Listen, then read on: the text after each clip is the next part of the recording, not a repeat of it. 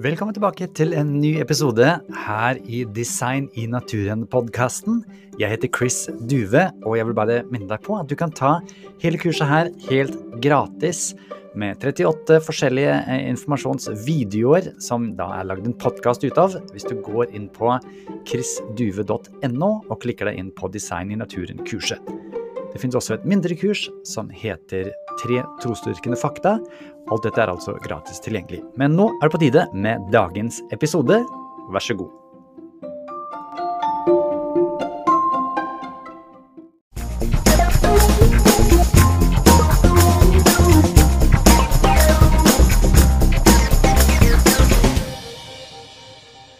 Velkommen til modul to. Takk for det. Du, nå skal vi se noen fascinerende ting inn i cella, inn i dine ti trillioner celler. Eh, aller først et lite eksperiment. Jeg har kjøpt eh, en liten gave til deg. Wow. Fantastisk. Så nå må du åpne hendene litt der.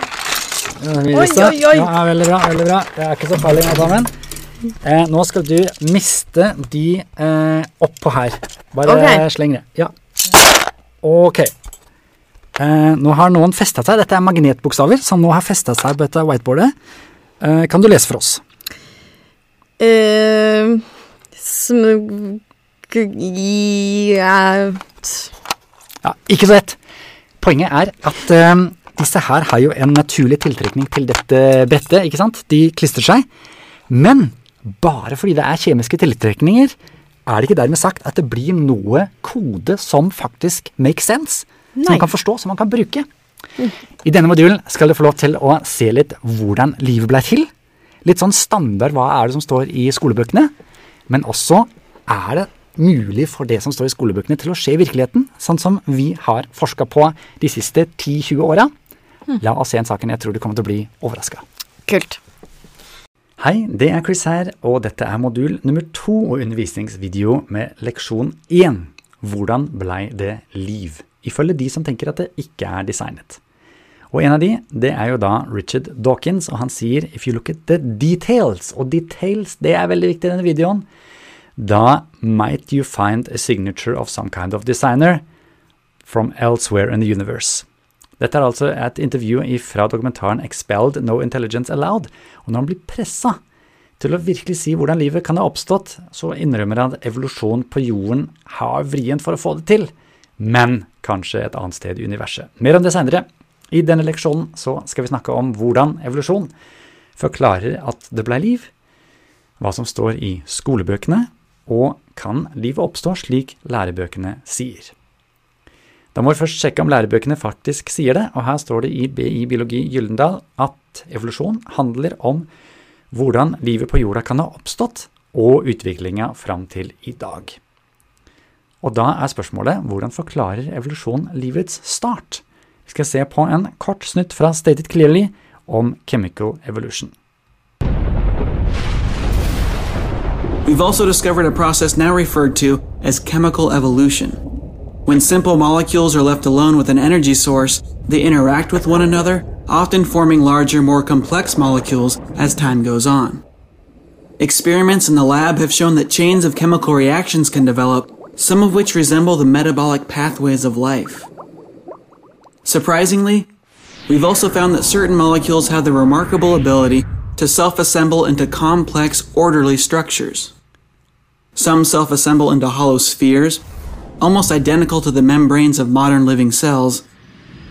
Others self assemble into long columns, remarkably similar to the strands of DNA found in life. Scientists still have many questions to answer about life's origins. How did different types of molecules first start working together, eventually producing the genetic code?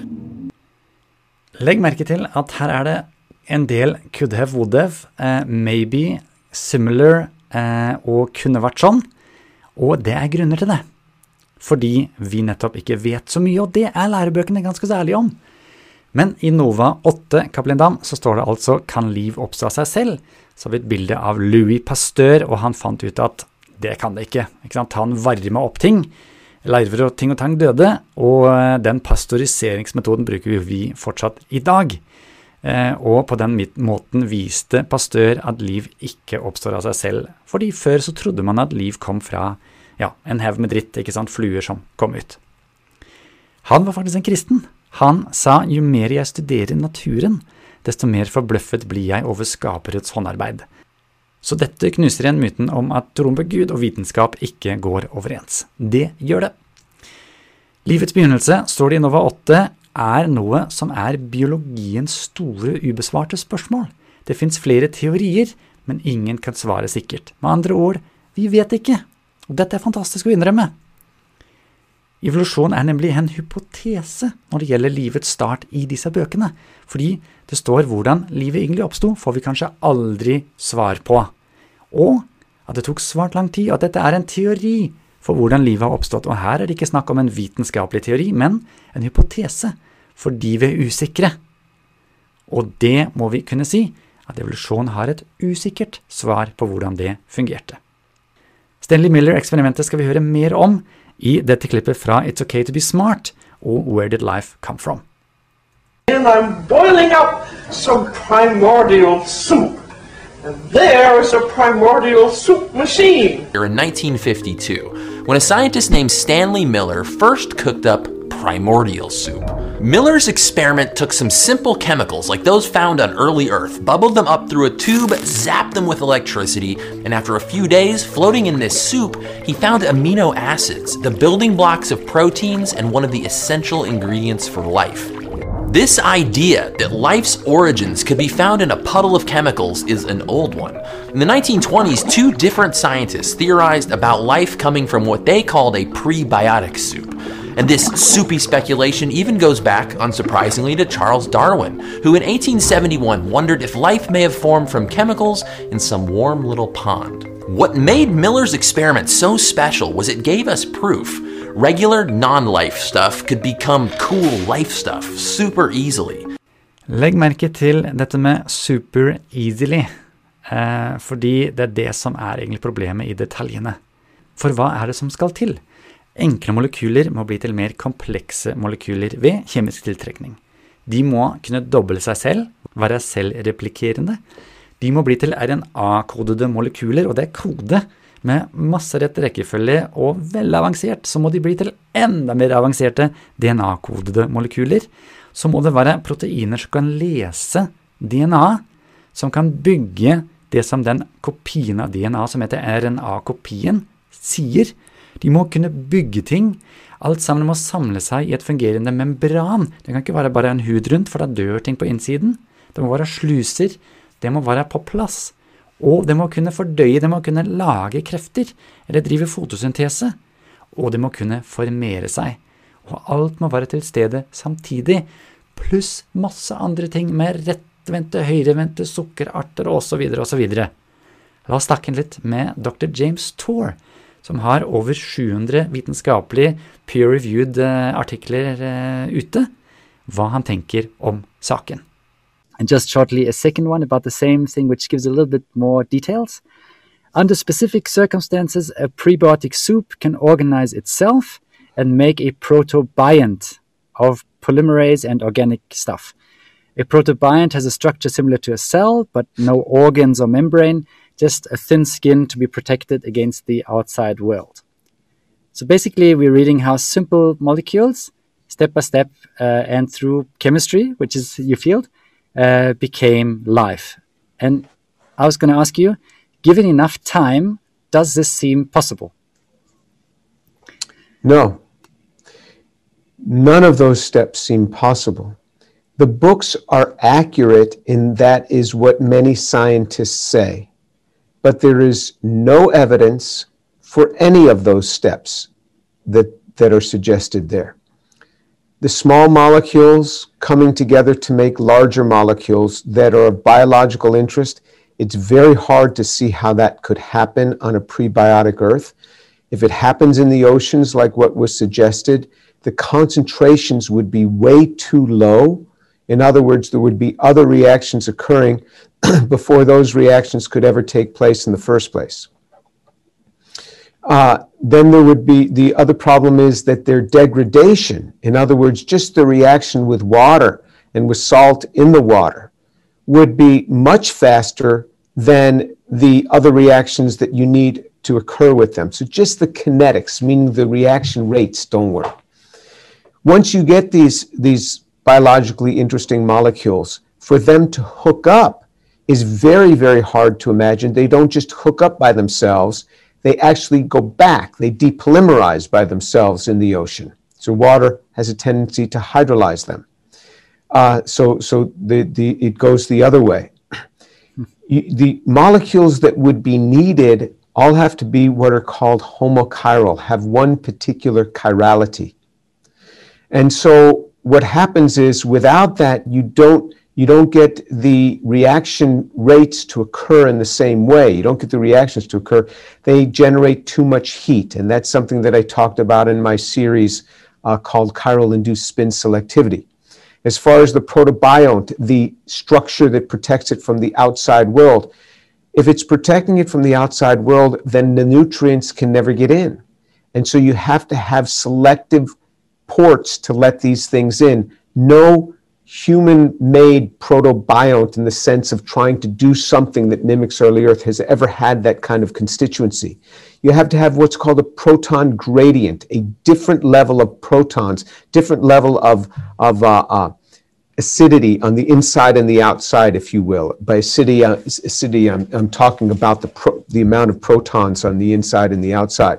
That has to be extremely well controlled, but you have to have certain proteins or things that would open up in that lipid bilayer to allow it.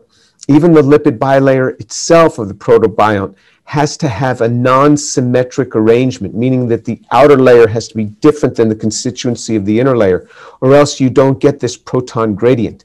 And so all of these different pieces make it impossible for me to think how that could occur. And what's interesting, as soon as you start talking about the exact chemistry that's needed, even the scientists which would say who would say, yes, that's how it's done, it's very hard for them to see it working either. James Tour er ikke alene om å si dette her. Eugene Kunin han er molekylærbiolog, og han sier «The origin of life field is a failure». Vi har ikke noe å vise fram som kan forklare dette her, og «the final outcome seems almost like a miracle». Dawkins selv sier at «somewhere in the universe a civilization evolved», og så planta de da livet her. Er det sannsynlig? På en måte er det en postulering, en historie, vi har ikke noe bevis på det, det, det er én sak. Men det livet det må også reise gjennom universet for å havne her, det må kunne lande her. Eh, hvis det skulle kommet fra Mars, der er det vann, men ikke liv. Det ville jo ha dødd på vei hit under landingen. Pluss at i utgangspunktet så forskyver du bare problemet til den planeten hvor det da eventuelt oppsto med evolusjon. Fordi der også må jo det ha fungert. Så vi kommer ikke unna at dette har blitt designa. Fred Hoyle han sier livet kan ikke ha en tilfeldig start, fordi du trenger 2000 enzymer eller molekylære maskiner. Og når du regner tilfeldighetene for å kunne få til dette her, så er det et tall som er 1 i 10 med 40 000 nuller. Det finnes bare 10 i åttiende atomer i hele universet. Derfor sier han dette tallet er så lavt at det ikke kan skje selv om hele universet hadde vært fullt med ursuppe. Og derfor setter jeg pris på den ærligheten som vi har i skolebøkene, om at vi veit ikke. Litt dumt at de da sier forskere mener, så det høres ut som alle er enige at dette har skjedd, fordi mange er uenige i at dette er en god postulering. Men her igjen altså et lite eksempel på hvordan det framstilles. Can science explain the origin of life? Science has not explained the origin of life in full detail, but researchers are building a theory intended to one day describe, start to finish, how basic chemistry can give rise to living cells. Når målet allerede er definert på at kjemien med sine tiltrekninger skal få til dette her, så går du glipp noe helt annet. For hvor kan livets detaljer komme fra? Vi har nå sett at det, dette er ikke tilfeldige ting. Og kjemiske tiltrekninger får ikke til det som vi ser. Og i intervjuet i bonusdelen med Dr. James Tour så sier han faktisk at time is your enemy, fordi disse tingene går fra hverandre. Noe i løpet av dager, noe i løpet av timer, noe i løpet av minutter. Tiden gjør at ting går i oppløsning, så det nytter ikke å plusse på millioner av år osv. Så, videre.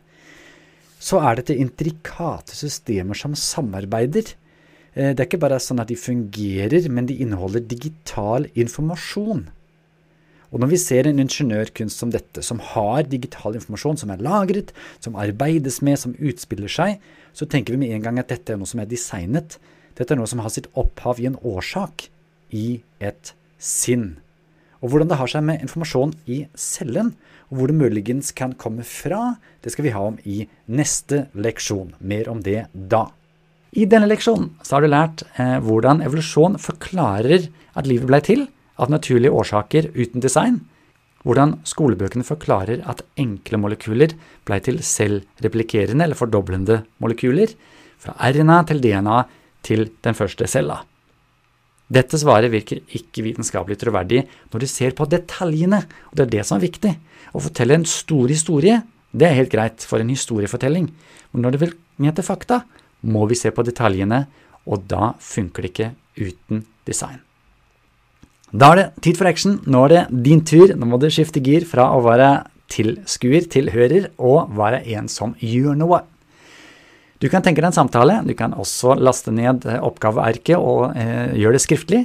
Men la oss si noen spør deg hvordan skal livet ha oppstått ifølge evolusjon, så er det litt viktig å kunne svare på. Hva var forklaringen i skolebøkene? Og hvorfor er det en manglende forklaring? Og da kan du komme med de detaljene, ikke sant, og hvordan dette krever ikke bare design, men informasjon. Kan du nevne en forsker som problematiserer dette? Og da kan du snakke om Fred Hoyle og hans eksempel, f.eks. Du kan gjerne se videoen en gang til for å kunne svare på de tingene, men ta med deg dette her inn i neste leksjon. Og nå skal det bli spennende, for nå skal vi se mer på hvordan livet egentlig er basert på informasjon. Dette klarer du.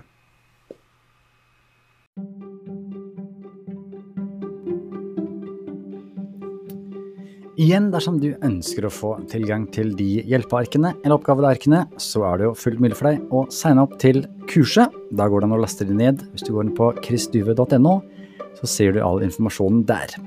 Dersom du ønsker å støtte denne podkasten og annet arbeid som jeg holder på med, kan du også lese mer om det på chrisduve.no. Takk for nå.